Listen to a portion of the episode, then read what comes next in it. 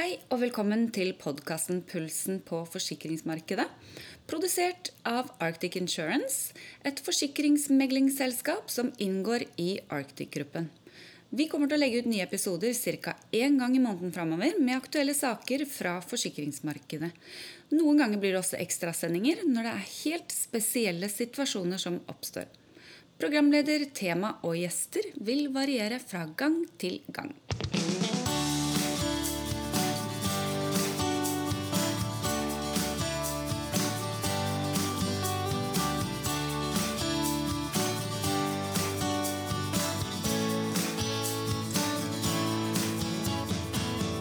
Hallo, da ønsker jeg alle våre lyttere velkommen til eh, vår podkastsending.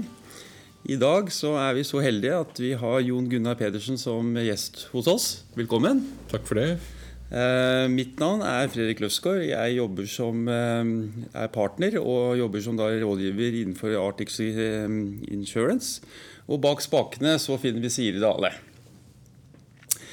Eh, Jon Gunnar, eh, jeg kjenner jo ikke deg sånn veldig godt fra før av. Eh, men jeg har jo da, som veldig mange andre, vært inne på Google og sett hvem er, det, hvem er Jon Gunnar. Og da oppdaget jeg at eh, du har bakgrunn fra Universitetet i Oslo med sosialøkonomi og statsvitenskap som hovedtema. Og historie. Og historie. Eh, Du har eh, over tid hatt en rekke verv og engasjementer i eh, både det politiske og det private næringsliv. Og så tenkte jeg at du store min, hvis jeg skal begynne å liste opp alle disse vervene og engasjementene, så blir det mange. Så jeg tenkte jeg skulle ta min lille personlige vri på det hele. Og den er omtrent som følger. Det var slik at en kveld så nevnte jeg for min kone, som da også jobber innenfor eh, privat sektor i, i Norge, eh, at jeg skulle ha, lage en podkast med deg. Eh, Og da ble det faktisk helt stille i rommet, og det er egentlig ganske uvanlig i seg selv. Eh, Og så kom følgende utsagn. Oi, han er kjempeflink! Og da eh, kjente jeg plutselig at det var en slags invasjon av sommerfugler som gjorde sin entré både i mage og hode. Eh, nå har de heldigvis eh, forlatt meg, så det er veldig hyggelig at vi sitter her nå. Og det som er på en måte Det jeg tenkte jeg skulle gripe fatt i, er det at du skal lede regjeringens utvalg som skal se på Norges økonomi etter den pandemikrisen vi på en måte nå står midt oppi. Eh, og Da er det to aspekt i den sammenheng. Det ene er på en måte de økonomiske utsiktene. Eh, Men så tenkte jeg Vi jobber jo med pensjon eh, og forvaltning av kunders midler. Og så dreier den diskusjonen over i forhold til pensjon og den reformen vi står overfor der nå i 2021. Så med disse ord, velkommen. Takk for det, det og takk for in- introduksjonen. Eh, Jeg tror ikke nødvendigvis at jeg er så flink, men jeg har vært interessert i veldig mye. Så jeg er nok mer nysgjerrig enn jeg er flink, tror jeg. Jeg liker å finne ut av ting og tenke hvordan ting egentlig kan slå ut. Eh, Da jeg studerte, så var jeg med på mange forskjellige ting. eh, Men det jeg studerte dypest, det var konkurs og forfall. Og Det er litt ut fra tanken om at eh, store kriser er det som ofte skaper store endringer. Eh, I min bransje, som jeg jobber nå, i finansnæringen, der jeg har vært siden begynnelsen av 90-tallet, så er jo de fleste opptatt av suksess og vekst. Men alle bedrifter går før eller senere over ende. De blir borte på en eller annen måte, mer eller mindre brutalt. Og Likevel så vokser det opp nytt næringsliv. Og det er nettopp slik at noe av det gamle må bli borte for at det skal bli plass til det som ikke har vært der før. Og det er en, eh, si, en eh, mekanisme i hele systemet som eh, jeg tror er veldig verdifull. Den har vært helt nødvendig for å fornye verden og fornye økonomien hele tiden. Og den type krise som vi nå står midt oppi, den er eksempel på en, en type krise som veldig raskt kan synliggjøre en del av de endringene. Men det betyr ikke at endringene nødvendigvis blir så annerledes enn de ville blitt selv om vi hadde tatt litt mer tid på dem. Men nå får vi veldig mye å ta stilling til på en gang. Det er jo slik at uh, når jeg eh, tenkte på denne podkasten, så var det litt i bakgrunn i forhold til alle disse medieoppslagene som har vært rundt økonomi og de økonomiske utsiktene. Uh, jeg opplevde mye av det som ble skrevet som uh, ja, veldig forvirrende, egentlig. For det, det sprikte egentlig alle mulige retninger. Og det var alt fra total undergang til eh, at dette skulle løse seg på kort sikt og noen på lang sikt osv. Eh, man snakker jo om ulike kurver, har jeg skjønt. Eh, såkalte V-kurver og U-kurver og noe som heter L-kurver. Den L-kurven håper jeg vi ikke Sånn som jeg oppfatter den, så håper jeg at vi ikke får den kurven, i hvert fall.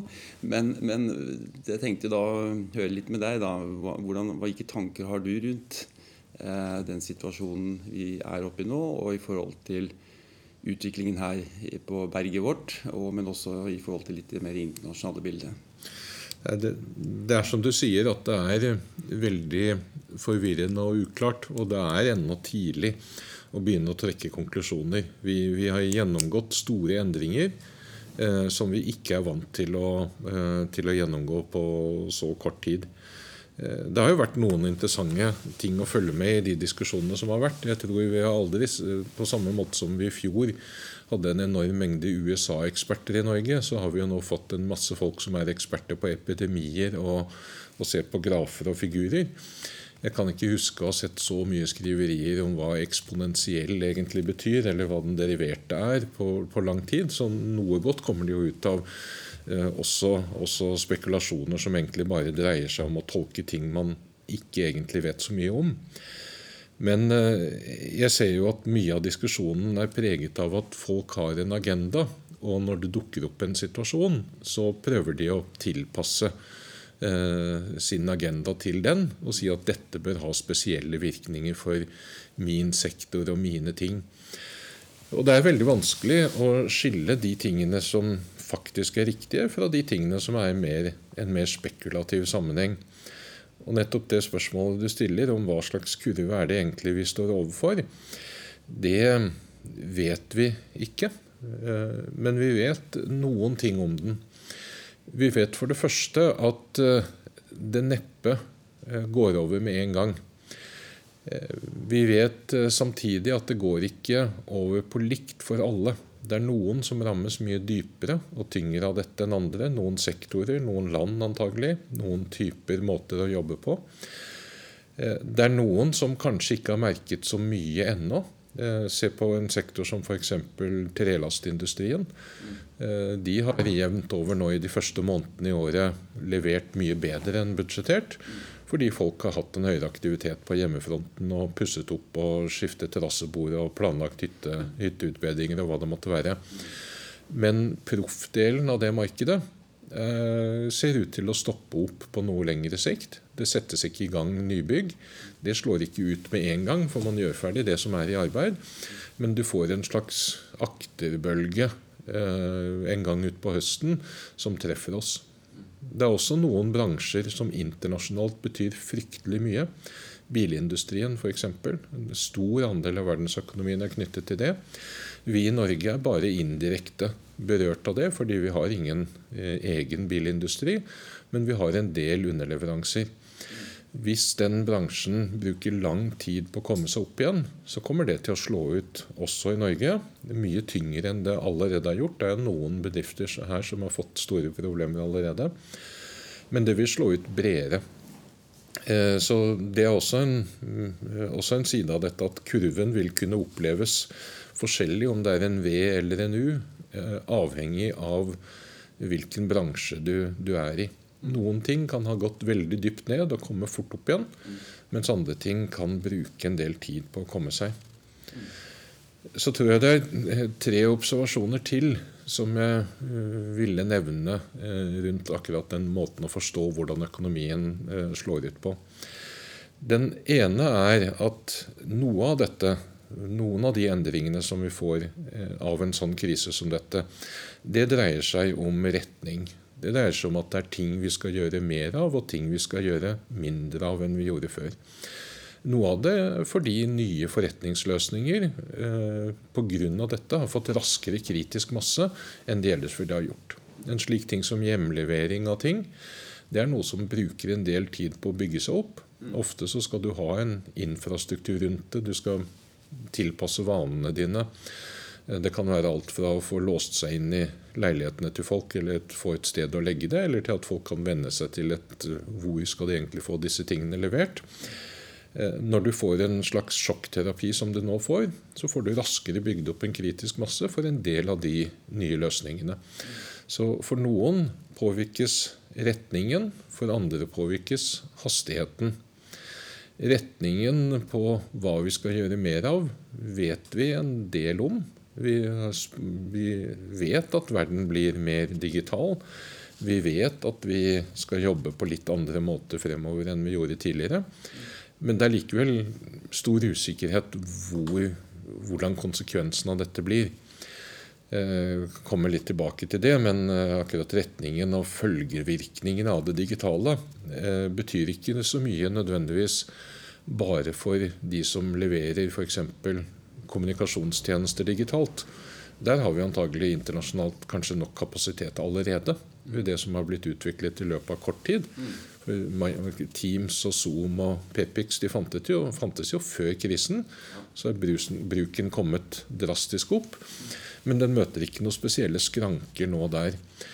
Men spørsmålet er når vi bruker Zoom og Teams, hva, hva gjør det med resten av økonomien rundt oss i forhold til bruk av kontorplasser, eh, pendling, dagpendling, lengre reiser, kortere reiser osv. Så, så retning og hastighet påvirkes helt tydelig. Den tredje tingen som kommer opp i dette, det er jo at vi setter nå veldig mye i en pandemisammenheng, fordi det er den virkeligheten vi er midt oppi. Den preger oss, og det er en ting vi ikke er så vant til å håndtere. Men det er jo mange andre kriser og endringer samtidig. Eh, og noen av de strukturelle endringene er spesielle for Norge. Sammensetningen av vår befolkning, vårt forhold til skatter, avgifter, statsutgifter, det er unikt for oss. Det er ikke bare vi som har den type utfordringer, men de problemene vi har i forhold til f.eks. For yrkesdeltagelse, utstøting fra arbeidslivet osv., de er unike for, for, oss og kan antagelig håndteres nasjonalt. Eh, samtidig har vi noen globale endringer. Eh, oljeprisfallet et tydelig eksempel på det, som slår veldig tungt ut for oss som, som olje- og gassnasjon. Og det å forstå hvilke kriser og endringer som er knyttet til pandemien, og hvilke som er knyttet til disse andre strukturelle utfordringene, eh, det er ikke så lett å vite. Eh, og i noen tilfeller så er det kanskje ikke nødvendig heller. Fordi det at kriser eller endringer er sammenfallende i tid, det gjør jo ikke at de eh, ikke må håndteres uansett. Og målet for noe av det jeg skal jobbe med i det utvalget jeg skal, skal lede, det er jo å prøve å se på ting som virker i riktig retning uansett bakteppet. Som tar inn over seg de store omkringliggende strukturelle faktorene. Eh, og som vi i pandemien kan bruke eh, for å få ting i riktig retning. Og for eventuelt å utnytte den hastighetsendringen som den akutte situasjonen gir. Mm. Det var to, to, ting jeg eh, har notert meg mens du har snakket.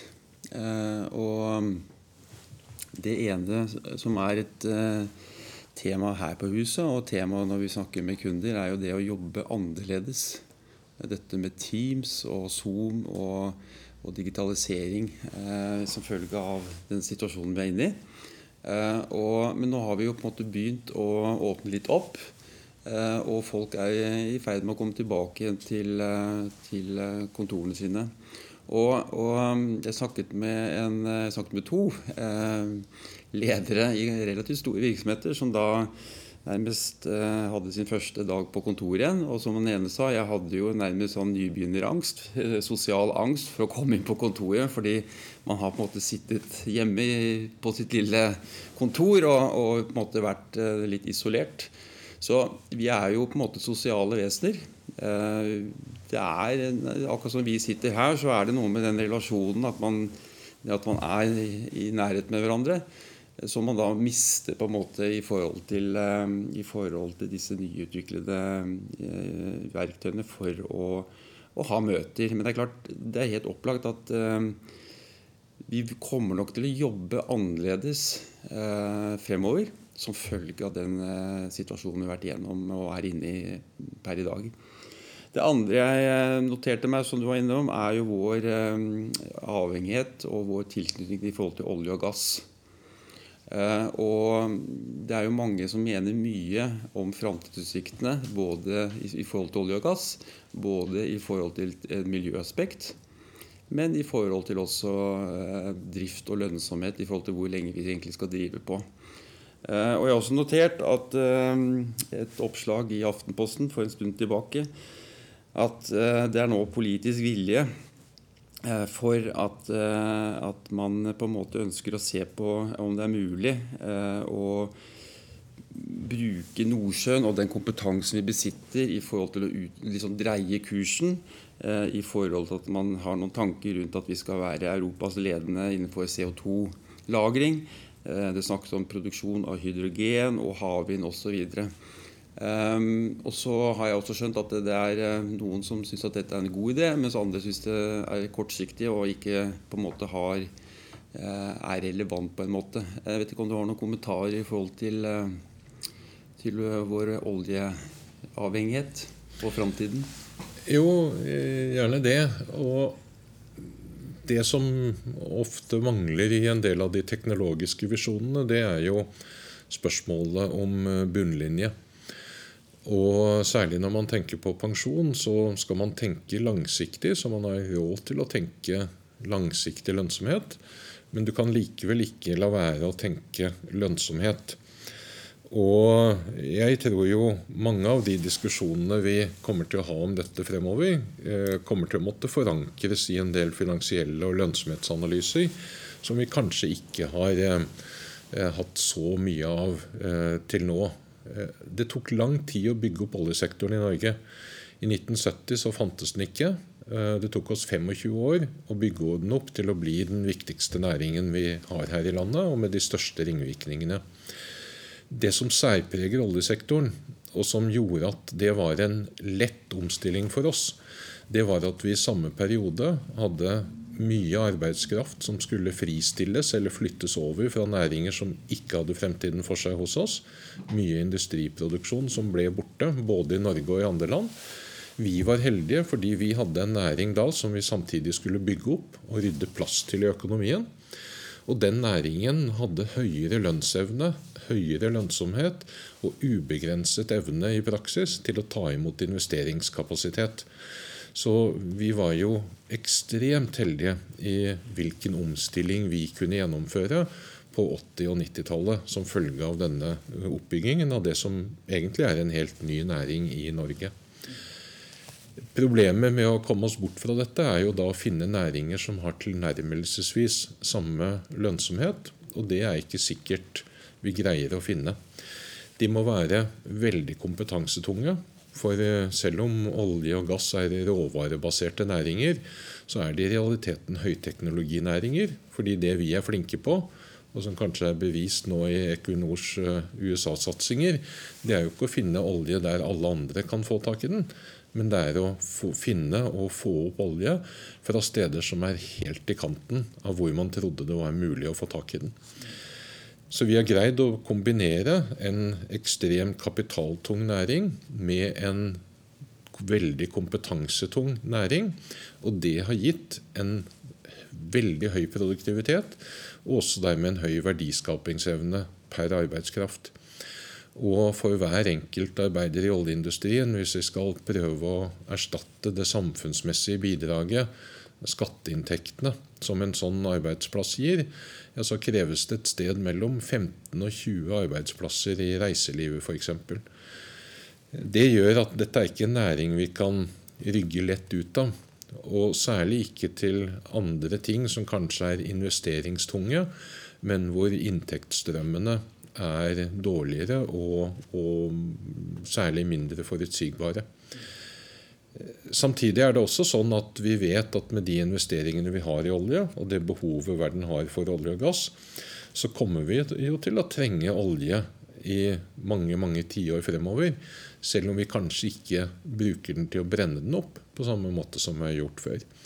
Olje er en viktig bestanddel av veldig mange industriprodukter som ikke, er, eh, ikke fører til direkte CO2-utslipp, og som vi kommer til å, til å, ha bruk for. Så jeg tror ikke vi, vi, vi kommer ikke til å se noen massiv nedleggelse av olje- og gassnæringen i Norge. Men vi ser allerede at den er mindre viktig relativt sett til resten av økonomien enn den har vært før. Det er en kombinasjon av priseffekten eh, og av at vi allerede har passert toppvolumet for eh, produksjon på norsk, norsk sektor. Samtidig så tror jeg at det vi har sett i oljesektoren, synliggjør at den store delen av verdiskapingen den ligger ikke nødvendigvis i, bare i selve råvaren, men den ligger i serviceindustrien rundt det. Det å bygge opp forsyningskjedene rundt det, det å bygge opp kompetanse til å holde på på store havdyp. Og Det er jo den eh, type kompetanse som vi prøver å bygge nå, f.eks. For i forhold til havvind. Og vi ser at vi kan antagelig koble dette. Men når det er sagt, så har nok eh, havvind et eh, betydelig mindre lønnsomhetspotensial enn det oljeindustrien har, har hatt. Det henger både sammen med at eh, strømprisene i Europa er det de er, og det finnes flere kilder til, til å skape elektrisk kraft enn en bare, bare, vind på havet. Og det andre er at vi er litt mer uheldige med vår geografi når det gjelder havvind, enn det gjelder, eh, det gjelder olje. Olje lå her. Eh, mens de stedene det er aller best å produsere havvind, det pga. norskerenna eh, vi har, så, så, så, er ikke vi vi har mye vind, men vi har litt dårligere havforhold enn en del andre steder i Europa. Og Det gjør det desto viktigere for oss å utvikle serviceindustrien rundt havvind kanskje enn selve installasjonene i seg selv. Ja. Hmm. Um, da tenkte jeg vi skulle dreie litt fra eh, økonomi og litt over til økonomi og pensjon. Eh, og mm, som jeg var inne på helt innledningsvis, så, så står vi, slik som vi ser det, litt overfor en, en ny situasjon. I den forstand at det kommer en, en pensjonsreform eh, i 2021. Eh, den blir omtalt som egen pensjonskonto. Eh, sånn som vi ser det, så startet på en måte egentlig den reformen tilbake i 2011, da vi fikk ny folketrygd. Eh, og fikk i prinsippet en mer innskuddsbasert modell. Eh, og som har jo da, i hvert fall innenfor privat sektor, fulgt opp med konverteringer en masse i forhold til innskuddsbaserte avtaler. Ehm, nå står vi overfor den situasjonen at egen pensjonskonto kommer. Og i prinsippet eh, så betyr det at enda mer av ansvaret for egen husholdningsøkonomi som pensjonist eh, forsvinner eh, både litt fra det offentlige men, og fra virksomhetene, og mer over på den ansatte. Og i den situasjonen vi nå står overfor, så, så er det jo to aspekter i forhold til det. Det ene er eh, hva i all verden skal den stakkars ansatte tenke på i forhold til egen forvaltning. For det er faktisk de som bestemmer allokeringen av egen kapital. Eh, men disse livselskapene de eh, strever jo også med å finne aktiva klasser som de skal investere i. Vi har et lavt rentenivå, vi har turbulente finansmarkeder, og man har kanskje behov for å på en måte prøve å finne og bygge inn nye aktiva klasser i investeringsprofilene. Eh, I tillegg så snakker man jo også, eh, i noen miljøer i hvert fall, om at man ønsker i større grad å splitte sparingen eh, og risikoen som ligger i dagens kollektive avtaler, slik at man rendyrker ytterligere da, dette som går på sparing og det som går på risiko. Men for å starte med de ansatte. Har du noen gode råd og vink til eh, Per og Kari som sitter hjemme og lurer på hva i all verden skal jeg tenke på når det gjelder egen forvaltning? Eh, det fins lange og det fins korte svar på det. og Jeg har en eh, stygg tendens til alltid å meg inn i de litt lange. Men jeg må likevel ta de tror jeg, i to-tre steg. For det første så er det vi ser, det er en tilpasning av pensjonssystemet til at du både har individuelle preferanser og du har individuelle behov. Og de er forskjellige for oss alle. Det er litt som det du snakket om i sted, om at arbeids, den digitale endringen vi har nå opplevd med hjemmekontorene, den endrer arbeidsdagen vår.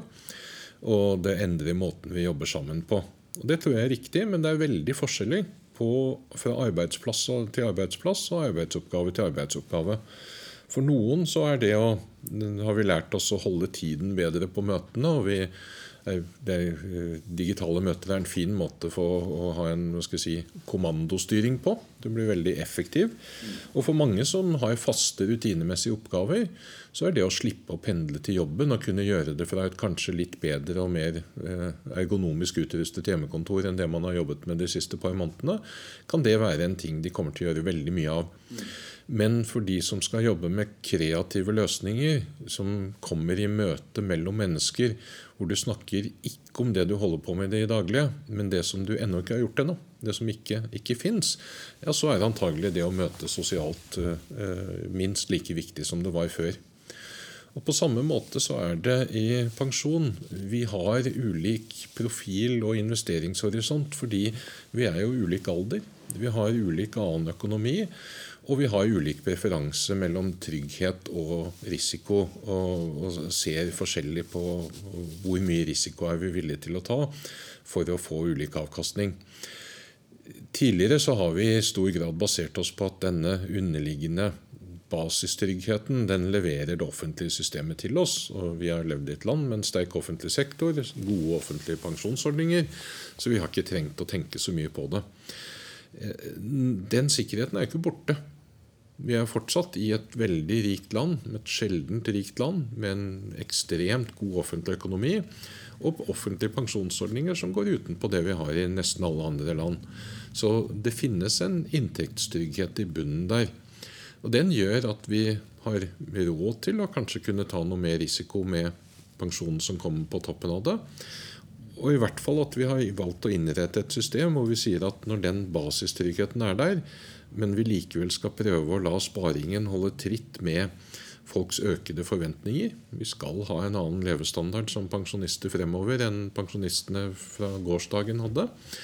Ja, så må mer av det ansvaret og også mulighetene, valget, ligge hos den enkelte. Fordi vi er forskjellige. Og det å presse standardløsningen på oss, det, det, det passer oss simpelthen ikke. Selv ektefeller kan ha et veldig forskjellig forhold til om de liker risiko eller avkastning, og hva, hva de har lyst til å gjøre.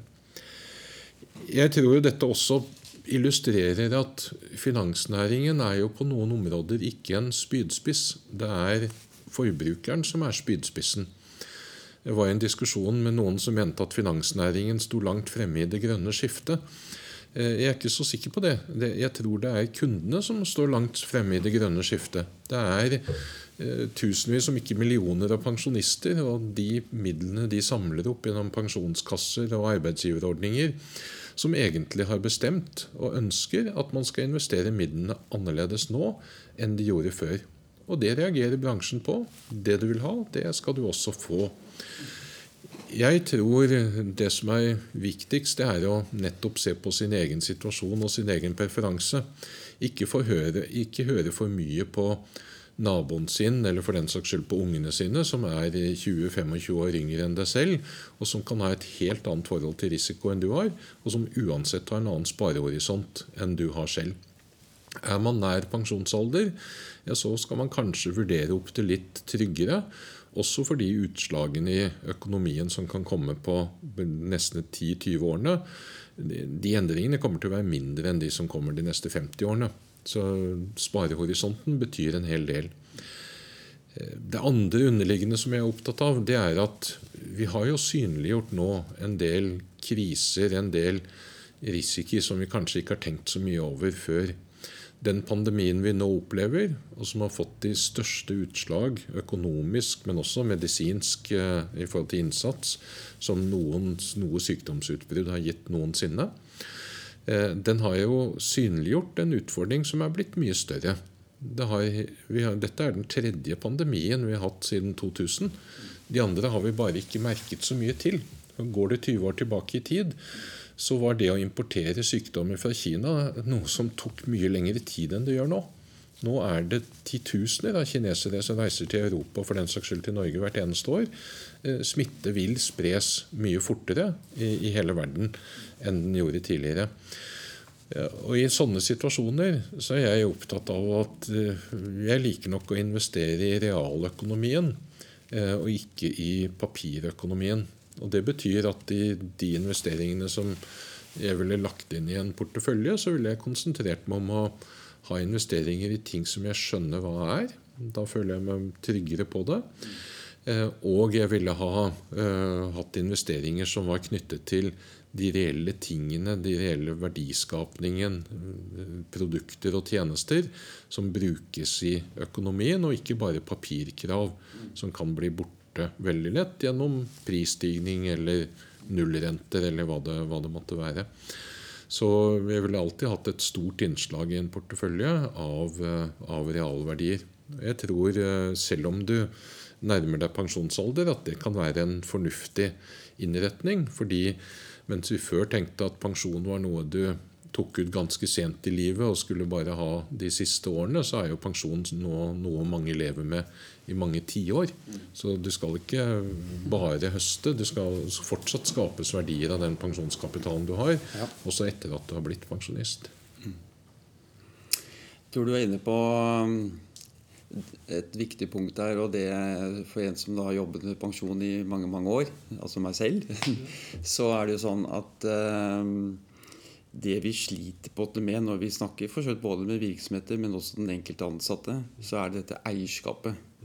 Uh, med en gang du nevner nærmest ordet pensjon, så får du et litt sånn flakkende blikk. Uh, man blir litt ukomfortabel i stolen, og man har på en måte ikke eierskapet, og med eierskap hører jo også kompetanse. De to henger jo godt sammen. Eh, og det er på en måte utfordringen eh, for bransjen eh, i forhold til individet. For å komme liksom videre i forhold til denne utviklingen. Og sånn som det går, så, så er man jo nødt til å lykkes med det. Fordi eh, dette ansvaret i forhold til framtidig økonomi pensjonsøkonomi, det, det, det er ubetinget så går det til den ansatte. Og da kan man ikke lenger putte i en skuff. Nei. Så der er det en utfordring som eh, vi og bransjen må på en måte bli flinkere til å håndtere. rett og slett. Ja, jeg tror mye av det handler om å både synliggjøre valgmulighetene og tilgjengeliggjøre valgmulighetene. Eh, I Norge så har du hatt denne blandingen at vi har egentlig spart ganske mye, men vi har gjort det dels gjennom det offentlige. og for at Vi har betalt høyere skatter enn i nesten alle andre land. Og Til gjengjeld så har staten levert oss flere tjenester enn i nesten alle andre land. Det har tatt hånd om mye av pensjonssparingen. Resten har vi satt i bolig. Det har vært en del av realøkonomien. Og det har vært en god backup-løsning. Fordi vi for det første, om vi ikke kan selge boligen når vi blir eldre, så kan vi bruke den selv videre likevel. Og det er en realverdi som vi vet vi har bruk for.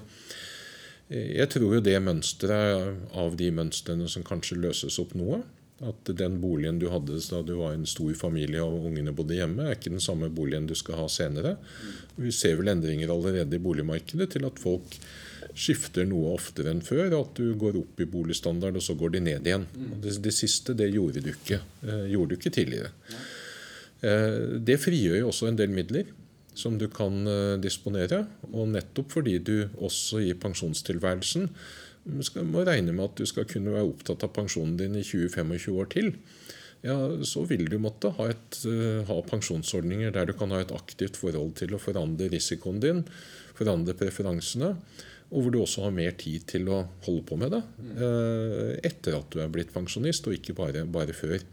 Så jeg tror fleksibiliteten, informasjonen som arbeidsgiver og som de som forvalter pensjonsordningene gir til den enkelte, det, det blir viktige konkurranseparametere.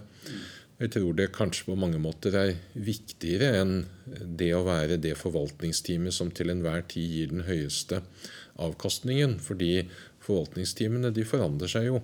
Og avkastning i, i går er jo ikke en garanti for avkastningen fremover heller. Definitivt ikke. Nå ser jeg at Siri eh, vifter med klokken her, at vi er på eh, Ikke overtid, men på tiden. Eh, jeg skulle gjerne sittet der mye lenger. Det var veldig hyggelig å ha deg her, Jon Gunnar. Det har vært veldig lærerikt. Så takk for at du ville komme. Ingen årsak. Ja, kommer gjerne igjen. Supert.